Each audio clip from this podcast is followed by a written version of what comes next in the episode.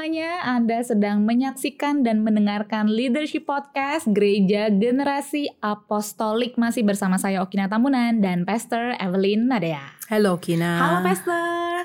Kita lanjutkan ya uh, yang sudah berjalan dari dua episode uh, yang sebelumnya dan and also we thank people for responding. Yes, betul. Terima kasih ya sudah sharing dan sudah posting your question yeah. and also reflection. Um, really saya jadi merasa tidak tidak sendirian dalam betul. perjalanan ini this road less traveled karena yes. sudah uh, dengan sharing terbuka seperti ini ada fellow travelers yang joining bersama-sama dengan kami mm-hmm. and tidak hanya dari keluarga gereja generasi apostolik but some friends online online learners yeah yeah Praise God. Dan juga kita berterima kasih bagi Anda juga yang sudah membagikan kepada teman-teman konten-konten yang sudah kita bagikan sebelumnya. Jadi jangan lupa untuk share, subscribe, komen sebanyak mungkin. Mm-hmm. Yep. Oke, okay, Pastor, kita akan unbox lagi our next book uh, what do you have? I have this one goodie here. H3 Leadership. Hmm. Ya, buku ini ditulis oleh Brad Lomenick. Uh, beliau juga adalah penulis dari The Catalyst Leader. Mm-hmm. Uh, H3 gitu ya, H3. Jadi H3 ini adalah bahwa seorang pemimpin itu dalam pengembangan kepemimpinannya di, tiga hal ini yang penting gitu mm -hmm. ya. They need to be humble, mm -hmm. itu hal yang pertama, rendah hati. Lalu be hungry, ya mereka perlu terlalu lapar dan always hustle. Mm -hmm. Ya, jadi hustle ini perlu untuk untuk untuk terus berkembang, tidak bisa berdiri sendiri gitu ya. Mm -hmm. Jadi uh, perlulah untuk saling uh, ada ada salingnya di saling keterkaitan satu dengan lain untuk terus bertumbuh gitu ya. Jadi apa nih pastor highlights dari buku ini? I, I mark the the items here um, dan di sini beberapa pemimpin sebetulnya sharing there's not only hmm, from one hmm, person okay. dan it is what I like dari Brad Lomenick sendiri gitu mm -hmm. ya bahwa dalam proses pembelajaran itu dia include uh, fellow travelers untuk saling sharing dan memang dalam pertumbuhan hmm. kepemimpinan kita nggak bisa mengisolasi diri. Betul. Ya, yeah. there is always something you can glean dari fellow travelers yang lain yang dalam uh, perjalanan uh, this road less traveled ya, yeah. perjalanan yang sepi ini sebenarnya nggak perlu sepi-sepi juga, ada kok yang lain. Memang tidak Tapi crowded. Jarang. Ya. ya, namanya jarang dilalui. Makanya hmm. that's why kita perlu glean for insights dari uh, pembelajar-pembelajar yang lain. Nah, hmm uh, satu highlight yang saya rasa uh, sangat sangat apa ya stand out dari sini dia share dari fellow travelers dari fellow learners bagaimana seorang pemimpin itu ya di sini dia highlight ya leaders are readers It is just that simple. Yang kita udah soroti itu di, di episode sebelumnya. Episode sebelumnya. Hmm. Nah, namun juga di sini uh, under the weight of a busy schedule, di bawah tekanan jadwal yang sibuk dan memang para pemimpin ya ada jadwal yang sibuk piringnya yeah. tuh selalu penuh gitu ya. Nurturing curiosity requires creativity and intentionality. Jadi merawat rasa ingin tahu uh, itu membutuhkan kreativitas dan unsur kesengajaan. Ya, here are some tips for developing this habit in your life. Dan ini uh, beberapa tips yang yang juga saya gunakan gitu ya. Mm-hmm. Think before you ask. Sebelum bertanya ya mikir dulu lah. Ask great question. yeah. Ya kita nggak bisa bilang ya enggak emang. Oke. Okay. Di episode sebelumnya kan kita sangat endorse untuk bertanya ya, Pastor. Right. bertanya itu tapi mikir dulu. Betul, the wise man doesn't give the right answer. He yeah. poses the right question. Yes. Gitu yes. ya. Questions are critical to curiosity, which we addressed it in Sudah, uh -uh. yeah. di episode sebelumnya. Listen more than you talk. Mm-hmm. Nah, jadi untuk pengembangan kepemimpinan ternyata penting untuk uh, listen more. Iya Telinga tuh dua loh. Iya, mulut satu. Kalau mulut dua, telinga satu, ngeri ya. Jadi perlu perlu lebih banyak mendengar. Seek out different. Hmm. Jadi spending time with people who are unlike you is hmm. a learning accelerator. Hmm. Dan ini yang membawa variety ternyata di dalam mix uh, tim itu ya kepemimpinan. Ya. Jadi nggak hanya ngumpul sama yang sejenis, tetapi uh, berkumpullah dan melihat perbedaan-perbedaan sehingga akhirnya kita diperkaya. Hmm. Ya. Kemudian surround yourself with smarts. Hmm. Kelilingi dirimu dengan orang-orang pintar ya. Many influencer lead from a place of insecurity. Nah, jadi ini sebenarnya agak dalam juga ya. Um, would you rather be surrounded with people of uh, that have lesser knowledge than you? Eh enggak sih ya. Iya. Atau atau kita kepingin berkumpul dengan orang-orang yang yang sama-sama pinter atau bahkan lebih pinter dan If kita I nggak want to grow, saya akan berkumpul dan mencari orang yang memiliki lebih dari yang saya punya. Right. Dan ini kan menjadi unsur eh, apa ya discomfort ya, ketidaknyamanan bagi beberapa Iya, orang karena tadi dia disebut insecurity ya. yes, because it really going to apa ya eh, menyentuh Ya, cocok dengan judulnya lah humble tadi kan. Heeh. Lalu look and listen set aside uh, one audio one video talk to consume each month. Again ini back to the uh, apa ya learning habit. Jadi uh, perlu set a time buat saya juga ini menjadi habit yang saya integrate dalam jadwal harian saya Yeah. untuk belajar. If I'm in the in a move maka ada audiobook atau podcast yang saya dengar. I even list down um, beberapa podcast serial yang yang saya subscribe untuk saya dengarkan gitu ya podcast kepemimpinan dan ternyata ini memang memang uh, salah apa ya praktek-praktek yang dilakukan oleh para pemimpin yang berhasil gitu ya. Jadi bring your library along with you ya. Oh yeah, yeah. Kalau secara spesifik Pastor, buku ini ditujukan untuk siapa? Secara spesifik memang leadership book, tapi uh, what kind of leaders that you suggest to read that book? Emerging leaders is good to read that. Ya, para pemimpin yang budding, yang yang emerging ya, uh, bagus. Tidak artinya gini, kalau kita bisa distimulasi dengan pemikiran seperti ini di secara dini, Ya. ya, I mean campus student is Bisa good for you juga. to to Ya, to read ya. that gitu kan. Itu bagus daripada nanti nanti baru nanti, gitu ya. baru baca-baca Jadi buku kepemimpinan. Ya. Ya, ya. Jadi untuk Anda para musafir, musafir, saya suka sekali dengan kata musafir. Tadi kan traveler, it's a bit Pastor cla- pakainya. classic Ya, ya. karena musafir itu kan memang melalui jalan yang Musafir itu pengembara. ya, ya maksudnya jalan yang dilalui kan bukan jalan yang ramai Iya, gitu. iya. Dan ya saya suka aja gitu kayak musafir. Oke, kalau saya adalah buku ini by John Mark Comer, The Ruthless Elimination of Hurry. Woo, ya. Nah, ini juga sebenarnya gift juga dari Pastor If dan Apostle Indri buku ini dan dapatkan buku ini beli secara online I think ya. Karena di Indonesia memang belum ada terjemahannya. Tapi bagi Anda yang merasa memang hidupnya terburu-buru, di- diburu-buru, saya jadi sangat belajar untuk mem- memperlambat. Saya nggak ketemu nih pastor kata-kata yang tepat. Kalau memperlambat kayak kesannya apa ya kayak kesannya tapi tidak mem, mem- tidak terburu-buru juga artinya memang ritme yang seharusnya Iya. jadi jangan percepat ritme yang seharusnya di ritme itu saja dan again buku ini juga refer ke Yesus Kristus sebagai pemimpin yang sempurna yang perfect dalam melakukan agenda hidupnya 33 tahun di bumi. Kenapa? Dengan segala agenda yang sudah disiapkan oleh Allah Bapa untuk dipenuhi dan ritme hidup yang seperti itu Yesus berhasil menyelesaikan amanah tujuan mengapa Yesus datang ke bumi. Dan menolong saya seorang yang muda masih banyak energi banyak hal-hal yang ingin dilakukan ini menyadarkan saya perlu ada ritme yang tepat dalam mengatur agenda hidup saya. Jadi bagi Anda yang juga muda, bersemangat, punya punya banyak hal yang ingin dicapai bisa baca buku ini. Ya, saya sangat-sangat endorse. Kayaknya kita lebih lebih apa akrab dengan kata akselerasi. Jadi apa-apa mau dipercepat temponya, you know. Yeah. But as you speak Yes. tadi waktu kamu share saya teringat, you know, uh, uh, karena juga lagi belajar belajar gitar ya. Itu tuh ada tempo, ada birama gitu ya dan dan uh, ada musik musik musik itu atau lagu-lagu piece gitu ya. Uh, for this song, this particular song, Harus, temponya ya, seperti tempo ini. seperti itu. Nah, untuk lagu yang itu temponya seperti ini kita nggak bisa tuker Hmm. yang mestinya temponya lambat dipercepat atau yang cepat diperlambat.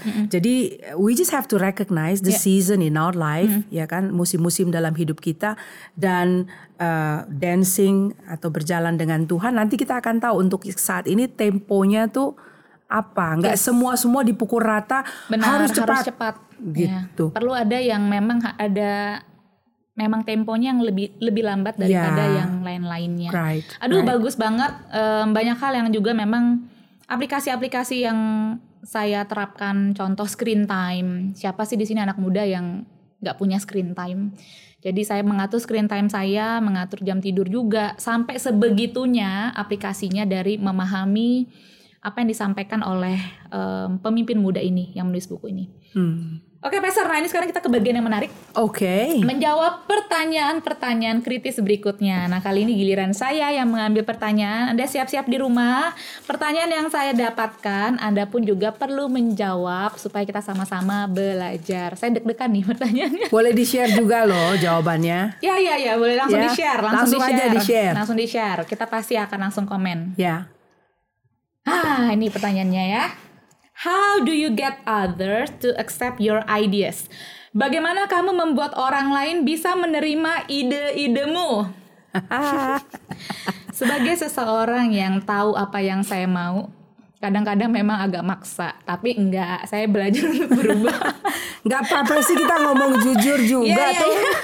ya, ke- karena membuat orang lain bisa menerima ide-ide saya. Em, pertama, menjual ide. Itu kayaknya adalah sebuah teknik yang saya terus belajar Ya. bahwa saya tidak bisa memaksa orang untuk menerima ide saya. Kalau saya maksa orang menerima ide saya, yang saya hasilkan adalah apa Pastor kita punya istilah burung beo ya. Dan jadi apalagi yang kita sampaikan, yang kita mau kembangkan adalah em- environment bahwa setiap orang suaranya penting. Iya. Jadi kalau saya maksa untuk orang mengikuti ide-ide saya, I think that not- that's not fair untuk mereka sendiri. Jadi hal yang pertama adalah saya perlu menjual ide yang ingin saya mau orang lain terima, seolah-olah ide itu pun juga milik mereka. Hmm, hmm. Jadi kalaupun juga diterima, itu adalah milik kita bersama, bukan miliknya Okina saja. Ya. Jadi kalaupun berhasil bukan karena oh itu idenya Okina seorang, tapi memang ide bersama. Kedua, saya juga mau invite untuk ide itu pun juga bisa dikembangkan.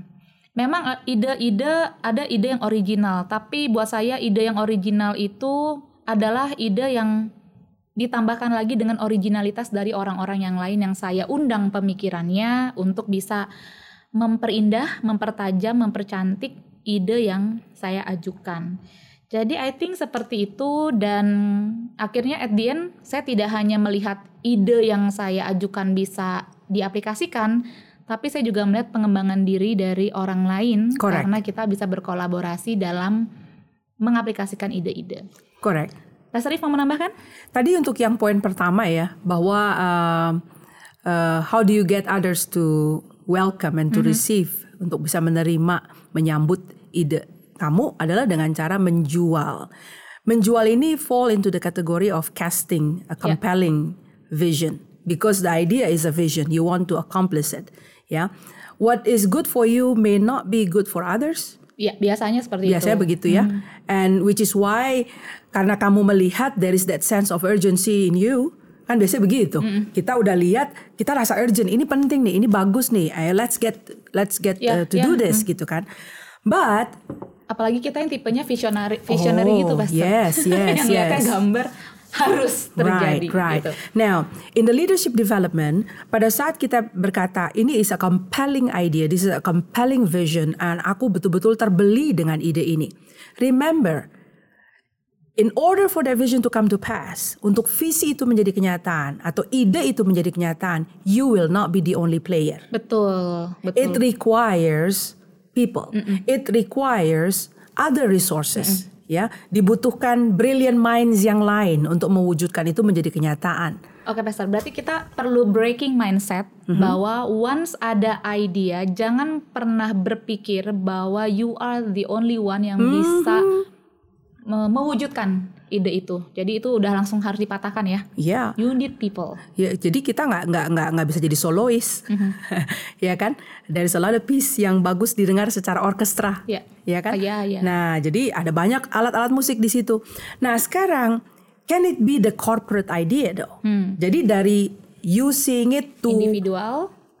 A lot of people seeing it. Mm-hmm. Makanya tadi ada proses jualan. Nah, then we need to allow time Mm-hmm. there.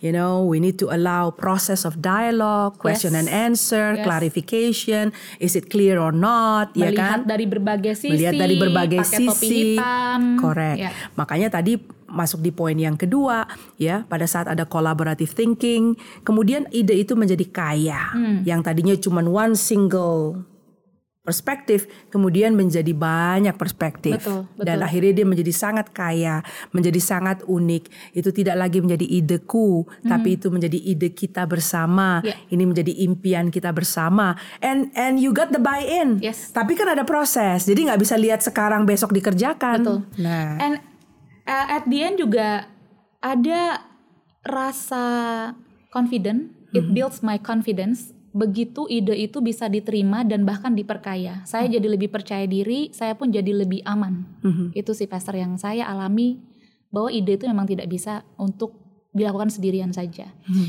Nah, Anda juga perlu menjawab pertanyaan ini gimana biasanya Anda membuat orang-orang menerima ide-ide Anda. Nah, Pastor, pertanyaan berikutnya silakan. Oh bisa nih ya Bisa dong. oh oke Kita kalau bisa satu episode bisa jawab beberapa pertanyaan. Oh ya sebelum saya lupa tadi juga terli- terlintas ya terlintas begini loh kalau kita paksakan ide kita ke orang mungkin by positional leadership you can do that Mhm. ya tapi then you bypass the process of growth Untuk orang itu juga. dari orang-orang lain itu karena kita nggak bisa bilang ini ideku udah deh lo nggak usah mikir kerjain deh udah Mm-hmm. langsung kerjain jadi kita bypass uh, proses pertumbuhan dalam diri orang-orang yang ada dalam satu tim dengan kita Eh, tapi saya mau interupsi juga, Pastor. Bisa mungkin waktu situasinya urgent. oh ya ya Dalam situasi urgent, I don't think kita bisa cukup waktu ya menerima what do you think, what do you think. Sometimes kita perlu ikuti our own intuition sebagai seorang pemimpin untuk em, ya sorry untuk saat ini akhirnya tidak bisa membuka pintu yang cukup luas untuk opini yang lebih banyak. ya which is why you are Dalam- leading Ya, dalam situasi urgent memang untuk sulit critical ya. decision. Ya. Yeah. Okay. So I I think kita throw that in now. Let's see. Mudahan, mudahan yang susah. Oke, Pastor. Ayo, look at this. What motivates and demotivates you A to be a good leader? question. Wow. Oke. Apa yang memotivasi diri saya eh, dan apa yang mendemotivasi?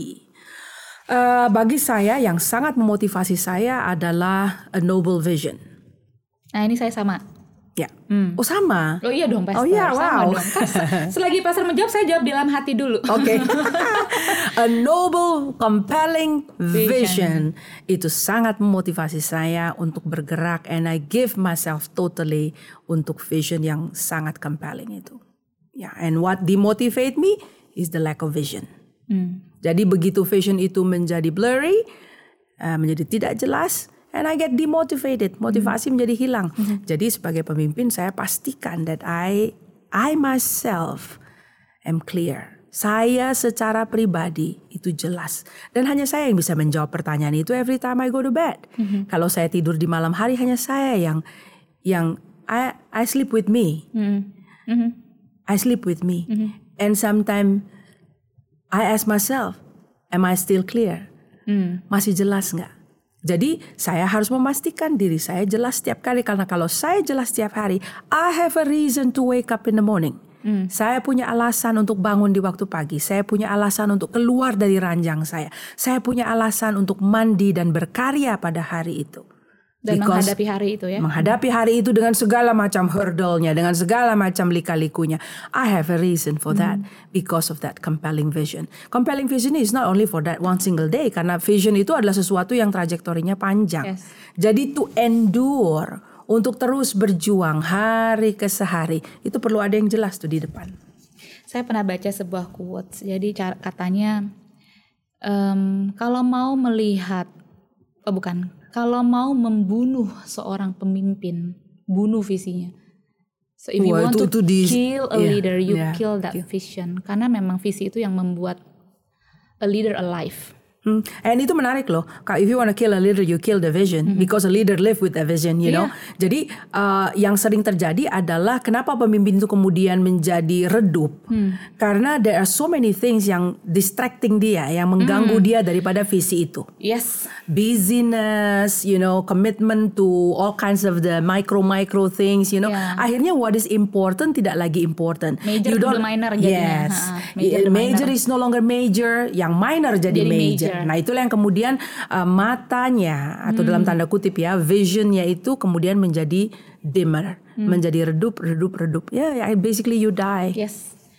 Uh, tadi noble vision kalau yang saya mau tambahkan adalah kalau buat saya selain noble vision and compelling vision yang membuat saya termotivasi adalah orang-orang yang menaruh harapannya pada saya. Hmm. I, I think itu pastor juga berasa sekali ya. Oh ya. Yeah. Menyadari realizing kalau ada orang-orang yang apa ya memandang dan menaruh harapannya the little chaps the little chaps even orang-orang yang yang punya iman kepada saya termasuk pastor atau apostle Indri hmm. itu buat saya juga memotivasi karena masih ada yang sometimes kita bisa lose hope tapi kalau melihat ada orang yang masih menaruh kepercayaan kepada saya itu memotivasi Mean kembali lot, yeah. ya yeah, yeah. dan memang juga jadinya bisa terdemotivasi waktu juga mengalami kurangnya kepercayaan jadinya hmm. bisa juga hmm. apakah ada salah paham konflik dan segala macam jadinya Lalu dipertanyakan iya apalagi dipertanyakan itu kan jadi kayak